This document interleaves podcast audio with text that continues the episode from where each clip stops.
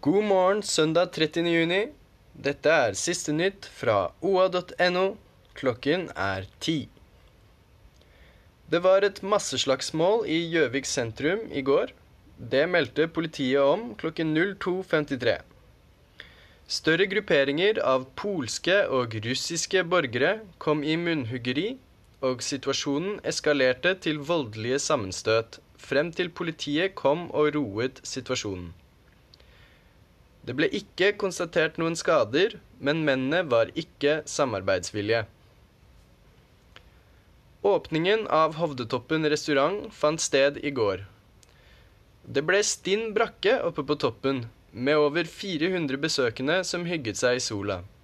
Bildeserien kan du se på oa.no.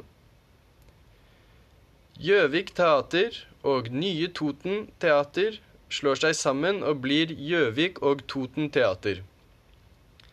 Styreleder Sveinung Næprud mener det er mange gode grunner til å gjøre nettopp det. Mange av de samme menneskene var involvert i begge teatrene. Vi fant ut at det var bedre å samarbeide enn å konkurrere, sa han til OA. Flere ble tatt for ruskjøring i natt.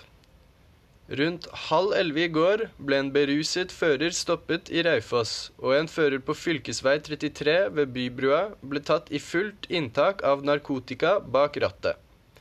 I Fagernes ble en fører i slutten av tenårene stanset i beruset tilstand klokken 01.16. Førerkortene ble beslaglagt, og mennene har blitt anmeldt. Dette var siste nytt fra oa.no. Ha en fortsatt fin helg.